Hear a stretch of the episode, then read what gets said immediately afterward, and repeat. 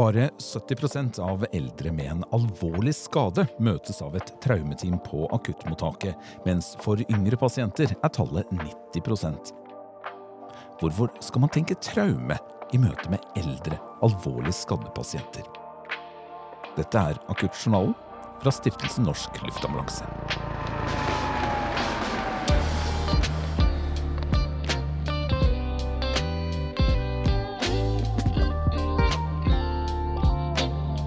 Jeg heter Per Håkon Solberg, og i dag snakker vi om traume hos eldre. Og gjesten min i studio er eh, du, Mathias Cuevas Østrem. Velkommen hit Tusen til takk, oss. veldig hyggelig å være med. Du er lege og doktorgradsstipendiat og forsker på traume hos eldre. Og jeg har lyst til å gå rett på sak. Hvorfor er dette et viktig tema?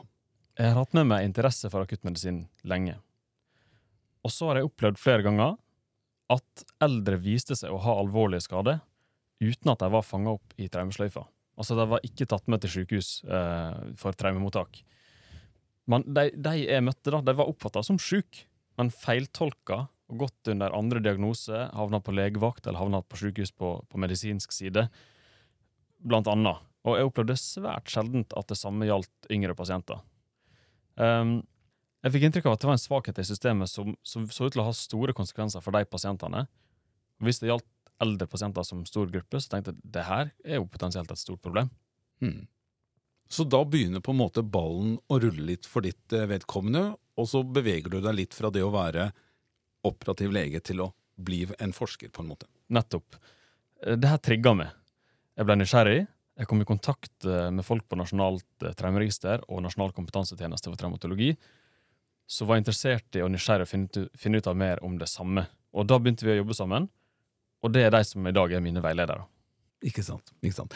Du, Jeg hadde gleden av å høre deg fortelle om forskningsarbeidet ditt i november i fjor, eh, og har gjennom researcharbeidet opp mot denne episoden også bladd en del i det du har publisert. Og det som slår meg, det er at du er, du er veldig tydelig og mener at eh, eldre skal behandles på, på samme måte som eh, yngre pasienter, og de har sin naturlige plass i eh, traumetenkningen. Eh, jeg vet ikke om man kanskje øh, i, legestanden kaller dette en litt utradisjonell måte Jeg skal være litt forsiktig med å si det, men, det er i hvert fall klar tale fra deg. Ja, men jeg er veldig tydelig på det her, og det tenker jeg at jeg skulle bare mangle. Um, eldre som er utsatt for en alvorlig skade, har en alvorlig prognose, men vi vet at de tjener på å få god traumebehandling eh, i, i ambulansetjenesten, i akuttfasen osv. i systemet. Eh, så selv om dødeligheten hos eldre er to til fem ganger høyere enn den er hos yngre pasienter, og risikoen for å bli pleietrengende er høyere, så må vi huske at de aller, aller fleste de overlever, også blant de eldre. Og da må de ha krav på en best mulig sjanse for å ha eh, et liv med god livskvalitet.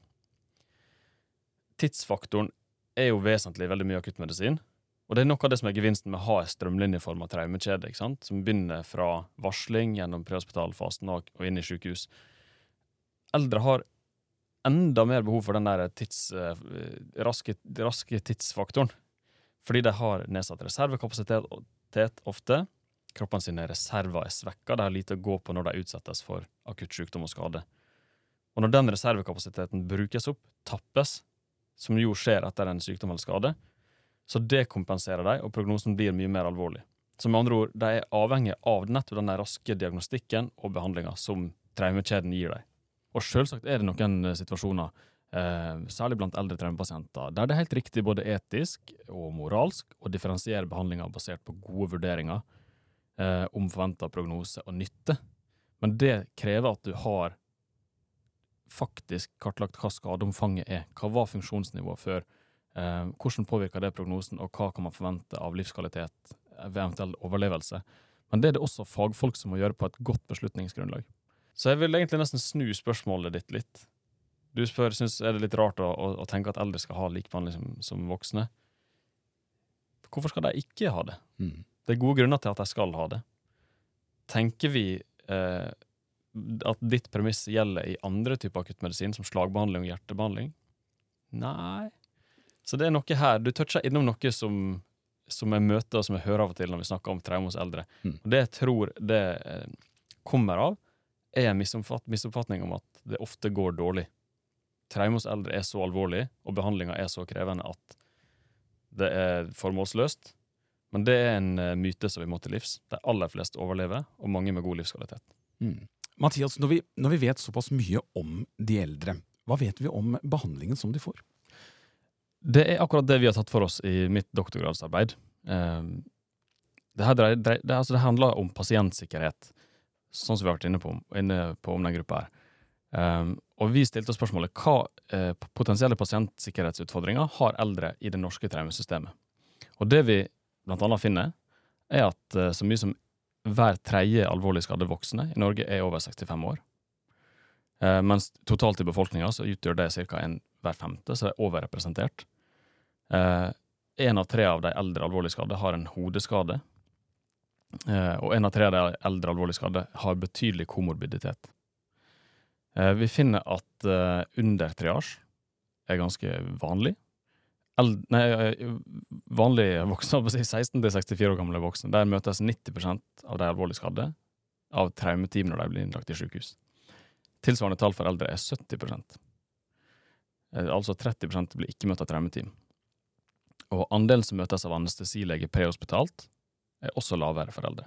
Så vi har peka på noen utfordringer, men vi, ikke, eh, vi er ikke der helt ennå at vi skal konkludere helt i mitt prosjekt. Mm. Men bakgrunnen for de tallene og det du forsker med, det henter du annet fra eh, vårt nasjonale traumeregister. og Traumeregisteret er på mange måter din lille baby, Olav Røise. Du er medisinsk leder for eh, Traumeregisteret i Norge. Og er også, det skal vi nevne, en av biveilederne for uh, Mathias i, i, arbeidet med, med, med doktorgraden hans. Og så er du med oss på linje, som det heter i, i, i fagspråket. Veldig hyggelig at du vil være med i podkasten vår. Ja, takk. Uh, du Olav, jeg, jeg, tenkte aller først, hvis du kan dra oss litt gjennom hvorfor vi har dette registeret, og hvor viktig det faktisk er. Hva vil du si da? Vi har som et av ganske få land i verden eh, etablert et eh, nasjonalt strømmesystem. Hvor det er lagt inn eh, klare kvalitetskrav både på prehospitalt, på personell som skal håndtere traumepasienten når de kommer til sykehus osv. Og da var det helt naturlig at man også må ta et register for å følge med på om eh, de kvalitetskravene som ligger til grunn for selve trømmesystemet, følges opp. Nemlig. Du, Hva slags informasjon er det dere henter ut fra, fra dette registeret? Hva, hva, er det det forteller oss? Ja, det forteller ikke så veldig mye om pasientene, annet enn av i hvilken grad de er relativt friske før ulykken osv. Uh, uh, informasjonen som vi tar, Eh, forteller mye mer om i hvilken grad vi som behandlere er flinke. Men for å kunne si noe om vi som behandlere er flinke, så er det en del data eh, som handler om hvordan pasientens tilstand er når det gjelder blodtrykk, eh, respirasjon og alle sånne ting. Altså litt sånne basale eh, fysiologiske parametere som vi trenger. Så de henter vi ut fra pasientjournalene når vi registrerer. Målet er jo å forbedre dem gjennom det vi registrerer. Mm. Føler dere at dere klarer det? Ja, eh, internasjonalt så er vi faktisk eh, et register som er helt unikt. og Det er all grunn til å påpeke. Fordi at eh, lovgivningen vår, eh, som er veldig framskreden på dette feltet, eh, er slik at alle sykehus som leverer pasienter der det er et nasjonalt register, er forplikta til å levere data. Eh, andre land de sliter faktisk med at eh, de må ha samtykke fra pasienter eh, på å bli registrert i et register.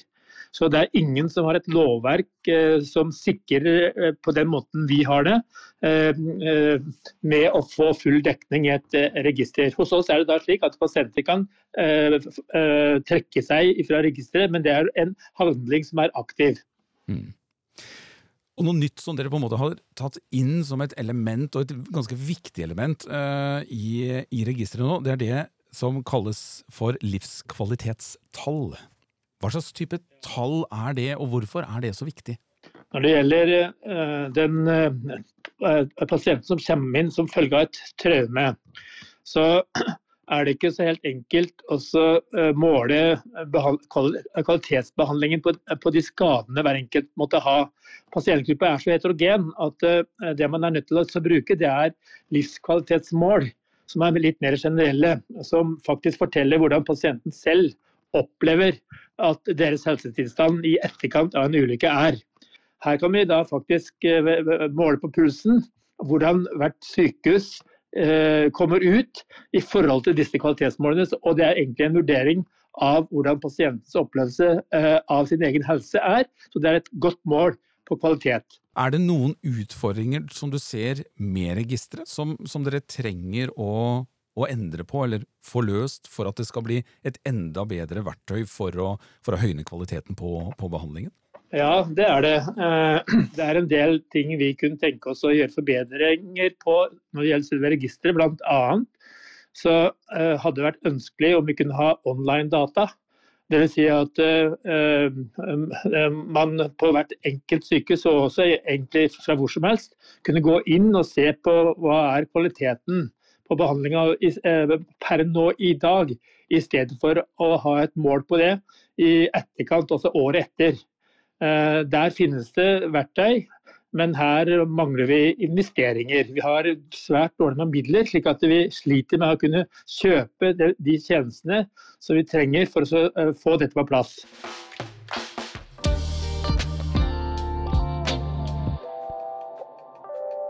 Vi snakker om traumer hos eldre, og Mathias, vi har jo vært eh, inne på det, men eh, vi skal likevel bruke noen minutter til til å snakke litt om hvilke utfordringer du ser. Eh, for vi vet jo at pga. aldring og sykdom og medikamenter så kan skademekanismer som ikke ville gitt skader hos, hos yngre pasienter og friske personer, gi svært alvorlige skader hos eldre. Og ikke bare det, men aldring og sykdom og medikament kan også være med å påvirke den kliniske undersøkelsen som helsepersonell skal gjøre, og finne ut hva er galt, og hvor skal pasienten transporteres. Så vi kan ta en case. En tenkt case som kan illustrere poenget mitt her. Eh, si at du nå, Per Håkon, du er ambulansearbeider eller legevaktslege, og du kommer på hjemmebesøk til en pasient som du har blitt utkalt til fra en hjemmesykepleier. Eh, hun som har vært hjemme hos pasienten, har funnet Kjell, 76 år, liggende bundet av ei trapp og får han ikke på beina. Og Når du kommer inn, så ser du at han, eh, han ligger fortsatt på gulvet. Han ligger i T-skjorte på kaldt eh, steingulv. Han, har, eh, han, er, han er ganske sånn mager, tynn i håret, og har litt sånn eldre blåmerke, blodutredninger, på underarmene.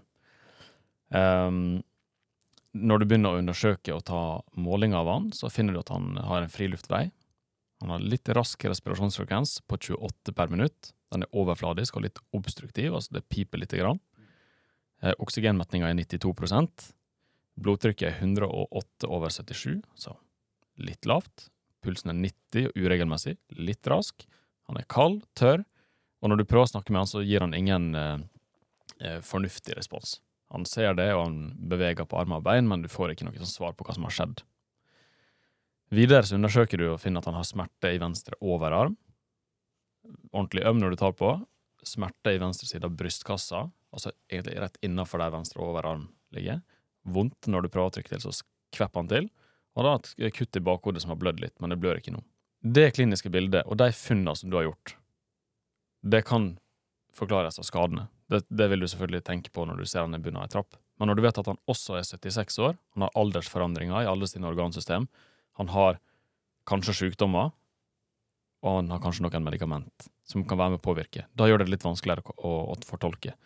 Og Her har du en hjemmesykepleier som du kan snakke med, og som kan gi litt info om en pasient som ikke du nødvendigvis kjenner. Og Hvis hun sier at han har fra før kols, et alkoholoverforbruk, atrieflimmer, hypertensjon og osteoporose, og i tillegg bruker blodfortynnende pga. den atrieflimmeren, da har du en komplisert problemstilling, og du skal finne ut hva som forårsaker hva, og hvor skal du transportere den pasienten her? Eh, nesten alle de vitale parametere vil du kunne resonnere fram til å, være forårsaka av kolsen og atrieflimmeren og eh, har han drukket? Eh, men du kan også tenke at ok, her, her er det worst case scenario-tenkning. Hvis de vitale parametrene er forårsaka av skadene som har skjedd, for du vet jo ikke om han har falt ett trappetrinn eller hele trappa. Du vet ikke hvor lenge han har ligget der. Eh, du vet ikke, du foreløpig ikke målt temperaturen, du vet ikke hvor kald han er. Hvis det er skadene som forårsaker de vitale parametrene her, med litt lav metning, litt lavt blodtrykk og en eh, eh nedsatt bevissthet, da har du en, eh, en traumepasient som er sjuk, og som skal til et akuttsykehus med traumefunksjon eller traumesenter, avhengig av hvor lang tid det tar å kjøre. Så aldring, sykdom, medikament og skade, alle sammen påvirker det kliniske bildet som du skal fortolke. Og det er en ganske mye mer vanlig situasjon hos eldre traumepasienter enn hos yngre. For hvis en ung person er skadet i en høyenergiulykke, så kan du nesten anta at alt det du finner, er forårsaka av skadene. En såkalt, sånn sett en enklere problemstilling. Ikke sant. Og det gjør jo at man man må mistenke det mest alvorlige til, det, til, det, motsatte er bevist. Nettopp. Hvis du her tenker at uh, den nedsatte bevisstheten er nok uh, forårsaka bare av alt, så gjør du kanskje ikke noe med det. Men hvis du tenker at han har en Glasgow Coma-scale på 13, og du ser de nasjonale triasjekriteriene for traume, der står det at har du 13 eller lavere, så skal du til et traumesenter, for der er det nevrokirurg som kan håndtere en potensiell blødning som har forårsaka det. Ja, så har du en eh, håper Da har du en klar retning for hvor den pasienten skal. Da er det en traumepasient som skal til et sykehus som kan håndtere hans skade. Dette er, dette er komplekst, uh, hører jeg. Um, ikke bare i, i, når du på en måte forklarer det nå, men også i det praktiske, ikke minst. Um, um, og det er mange faktorer som, som, spiller inn. Hvorfor er dette så viktig i, i den prehospitale tjenesten? Prehospitale tjenester er avgjørende viktig for at de pasientene her skal komme riktig ut fra start. Så en våken AMK-operatør eller ambulansearbeider kan erkjenne at det litt kompliserte kliniske bildet er forårsaka av en eller flere skader, og, og starte den eh, sløyfa, traumesløyfa. Da kan det iverksettes riktig akuttbehandling allerede fra prehospitalfasen, akkurat som man gjør hos yngre. Og de kan varsle sykehuset de transporterer pasienten til, om at de kommer med en, en skadd pasient. Traumeteamet kan forhåndsvarsles. Og de kan f.eks. ta med seg informasjon om at de tror pasienten blør, og bruker blodfortynnende type sånn og sånn. Mm. Siste dose tatt sånn og sånn. Det kan ha kjempestor innvirkning på det videre forløpet. Mm. Så for å få på en måte maskineriet til å gå enda mer smertefritt, og at pasienten skal altså minst mulig tid og raskest mulig behandling. Ja, ikke sant? minst mulig tid tapt, raskest mulig tid til å starte den viktige behandlinga. Det er det de prehospitale tjenestene virkelig kan bidra med.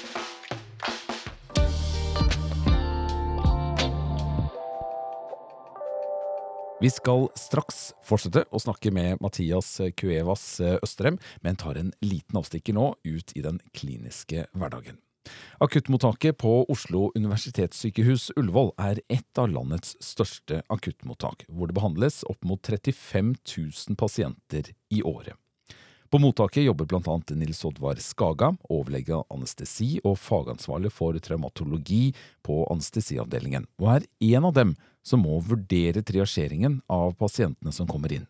Og han forteller at det til tider er utfordrende å vite hvilket traumeteam som er det riktige å bruke. Ja, vi tenker at det er viktig at pasienten får riktig ressurs med en gang. Så det er eh, utrolig viktig at vi får gode opplysninger fra prehospitaltjenesten inn til AMK, og at vi får det inn til sykehuset. Og, og der blir viktig informasjon vurdert, sånn at vi skal se om vi skal bruke traumeteam eller ikke f.eks. Og her på Ullevål så om vi skal bruke det store eller det lille traumeteamet, da, avhengig av pasientens tilstand. Så nå er det egentlig pasientens fysiologi som er det overordnede for hvilket team Eh, vi bruker. I tillegg så har vi et sånt tilleggskriterium på dette med åpenbart livstruende skade. Det er jo ikke fysiologi, men det har vi også med som kriterium for det store traumeteamet. Hvorfor er det med? Det er for å gi at uh, blir du skadd, f.eks. hvis du utsettes for et knivstikk eller skuddskade på Bislett, så er det veldig kort fra Bislett til Ullevål eksempelvis. Og da kanskje ikke du har rukket å utvikle veldig alvorlig fysiologi. Uh, men det er åpenbart at du trenger et stort traumeteam, så vi må ha det med som en sånn reserveplattform. Hva vil du si er den største utfordringen for dere på et akuttmottak når det kommer inn en eh, eldre traumepasient? Ja, Det er viktig at de eldre ikke undervurderes. Eh, altså Eldre har eh, svekket reservekapasitet når det gjelder fysiologi, og de har svekket reservekapasitet når det gjelder anatomi. De tåler mindre. Eh, og det som kan synes som eh, normale fysiologiske variable hos en yngre, kan være patologiske hos en eldre. Altså Et eh, blodtrykk f.eks. på 110 over 80 kan hos en som er gammel og har alvorlig hypertensjon, kan være et uttrykk for hypoperfusjon og hypovolemi, mens det kan oppfattes som et normalblodtrykk. Eh, en pulsfrekvens som pasienten kanskje har på 80-90 er tilsynelatende normal, eldre, men hvis pasienten er betablokkert, så kan det skjules at pasienten egentlig, en yngre, ville vært tachykard og sendt oss et signal om blodtap. Og, eh, og, så Derfor så pasientens medikamenter i den eldre gruppen kan skjule viktig fysiologi. Så Derfor må man ha med kunnskapen om, om eldre inn i det traumeteamet på eldre. Og Hvordan klarer dere å ta det inn og få det på plass i de ulike teamene?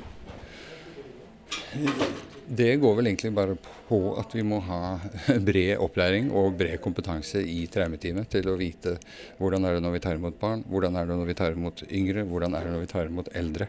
Eh, hva er viktige faktorer når vi tar imot eldre når det gjelder fysiologi? Fysiologiske endringer hos eldre må være kjent for teamet da, for å ta riktig beslutning. Ut ifra traumeregisteret kan vi jo lese at um, det er rundt 70 eh, av eldre som kommer inn, som får et eh, mm, traumeteam, mm. mens eh, yngre har 90% tilgang på, på, på, et team. Hvor, hvorfor er forskjellen sånn mellom eldre og yngre pasienter? Jeg, jeg tror de eldre har vært undervurdert rett og slett, i akuttmedisin. At uh, de trenger mer ressurser. Og, og, det er ganske gode resultater på overlevelse hvis du får kraftfulle ressurser i starten. Så har de eldre mye større sjanse for å overleve. Og det har nok uh, vært noe undervurdert i norsk akuttmedisin, tror jeg. Hvor ofte tenker dere over triasjering uh, når det kommer inn en, en, en eldre traumepasient? Altså en del pasienter som tilsynelatende virker stabile. Da kan man av og til lure på var det nødvendig å bruke traumetime her.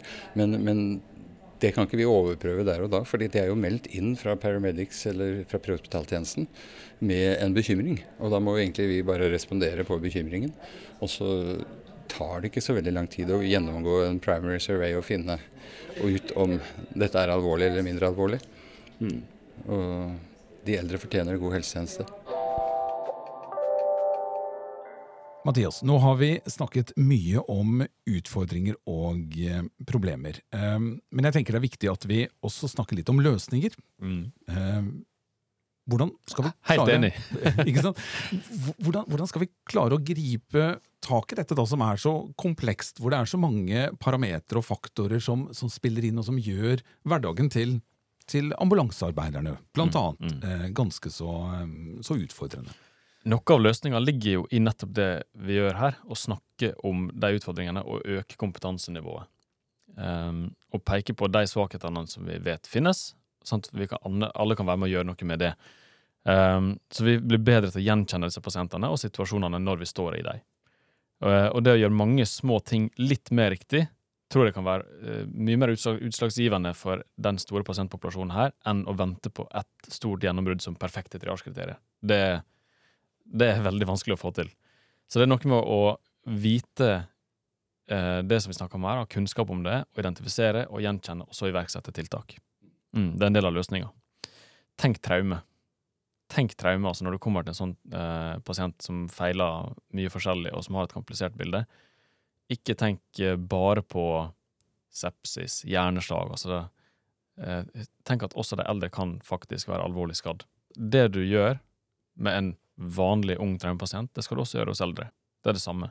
Men det er noen moment som man kan ha litt mer kunnskap om og kjenne til at er litt annerledes, i henhold til det som er PHTLS-kurs og traumemanualen på Ullevål sine retningslinjer. Og da er vi jo inne på dette med primærundersøkelsen, som er et godt sted eh, å starte. For i akuttmedisin så er det nødvendig med en rask og systematisk undersøkelse av pasientene for å avdekke livstruende tilstander og svikt i vitale funksjoner.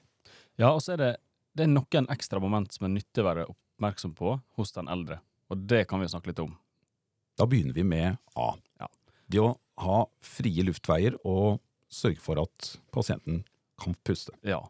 Og flere eldre enn yngre har gebiss og løse tenner. Og etter en skade så kan de ha blitt slått ut og ligge som en luftveistrussel. Er det løst, ta det ut. Men har du et gebiss som ligger noenlunde greit på plass, så kan det være fint å ha på plass, fordi støtteventilasjon med maskebag er mye lettere hvis det er noen tenner som gir litt struktur. Mm. Og så har vi B, breathing. Er pusten normal? Ja, og da er det viktig å obs på det her med reservekapasitet, at den respiratoriske reservekapasiteten er svekka. Og Derfor må oksygen administreres tidlig, og ha lav terskel for støtteventilasjon med maskebag. På C, da. Circulation. Hva vil du fokusere på der? Det er ganske godt innarbeida i traumatologien at et blodtrykk systolisk under 90 indikerer sjokk, men hos eldre så kan man tenke at den samme grensa er 110. Eh, så et normalt blodtrykk og puls utelukker ikke sjokk hos eldre. Mm.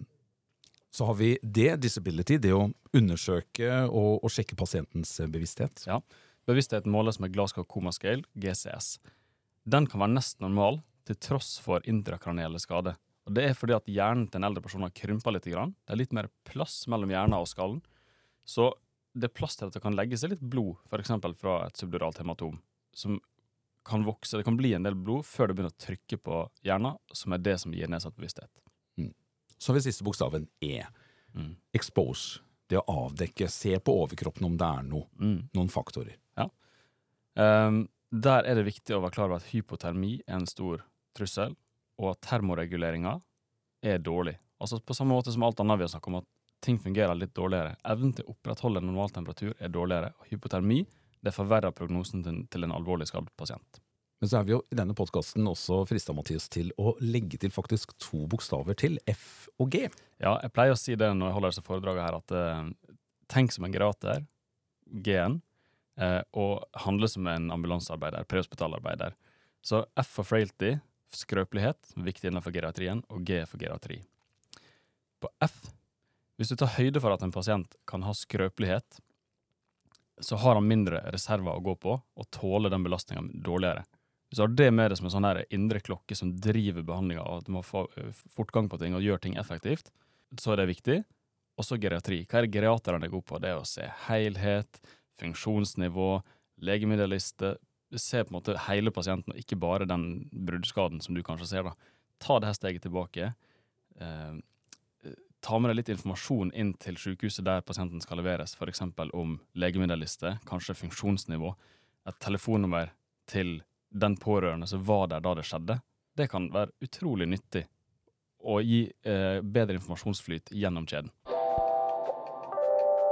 Det er på tide å avrunde og oppsummere litt. Og Mathias, du må hjelpe oss å lage en liten huskeliste. Hva er de viktigste tingene vi skal eh, ta med oss fra det vi har snakket om, traume hos eh, eldre? Eh, selv om eldre har en høyere dødelighet etter skade enn yngre, så overlever langt de fleste, også blant de eldste. Det må vi huske på. Så vi må snu på det og tenke at de som eh, overlever, de skal ha best mulig livskvalitet. Så det er det første. Og det andre er jo da en konsekvens av det. Det vi gjør tidlig, gjør mye, mange av de små tinga riktig. Det kan være med å påvirke det. Gi bedre overlevelse og bedre livskvalitet. Vi skal tenke traume når vi er i en situasjon der det kan være mye annet som er med å forklare det kliniske bildet som presenterer seg. Og vi skal mistenke at skaden er det som forårsaker de symptomer som du ser, og ikke bortforklare det med alt annet. Og til slutt, da, gjør det du gjør til vanlig. Har du litt mer kunnskap om den gruppa her, så kan du gjøre små ting litt mer riktig, og det har sannsynligvis mye å si for ei ganske stor gruppe med pasienter, som vi vil bare se flere av i framtida.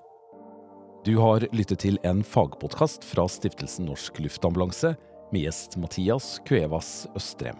Han er doktorgradsstipendiat i stiftelsen, et prosjekt som skjer i samarbeid med Universitetet i Stavanger og Nasjonalt traumeregister og med Elisabeth Jeppesen, Olav Røise og Torben Wisborg som veiledere.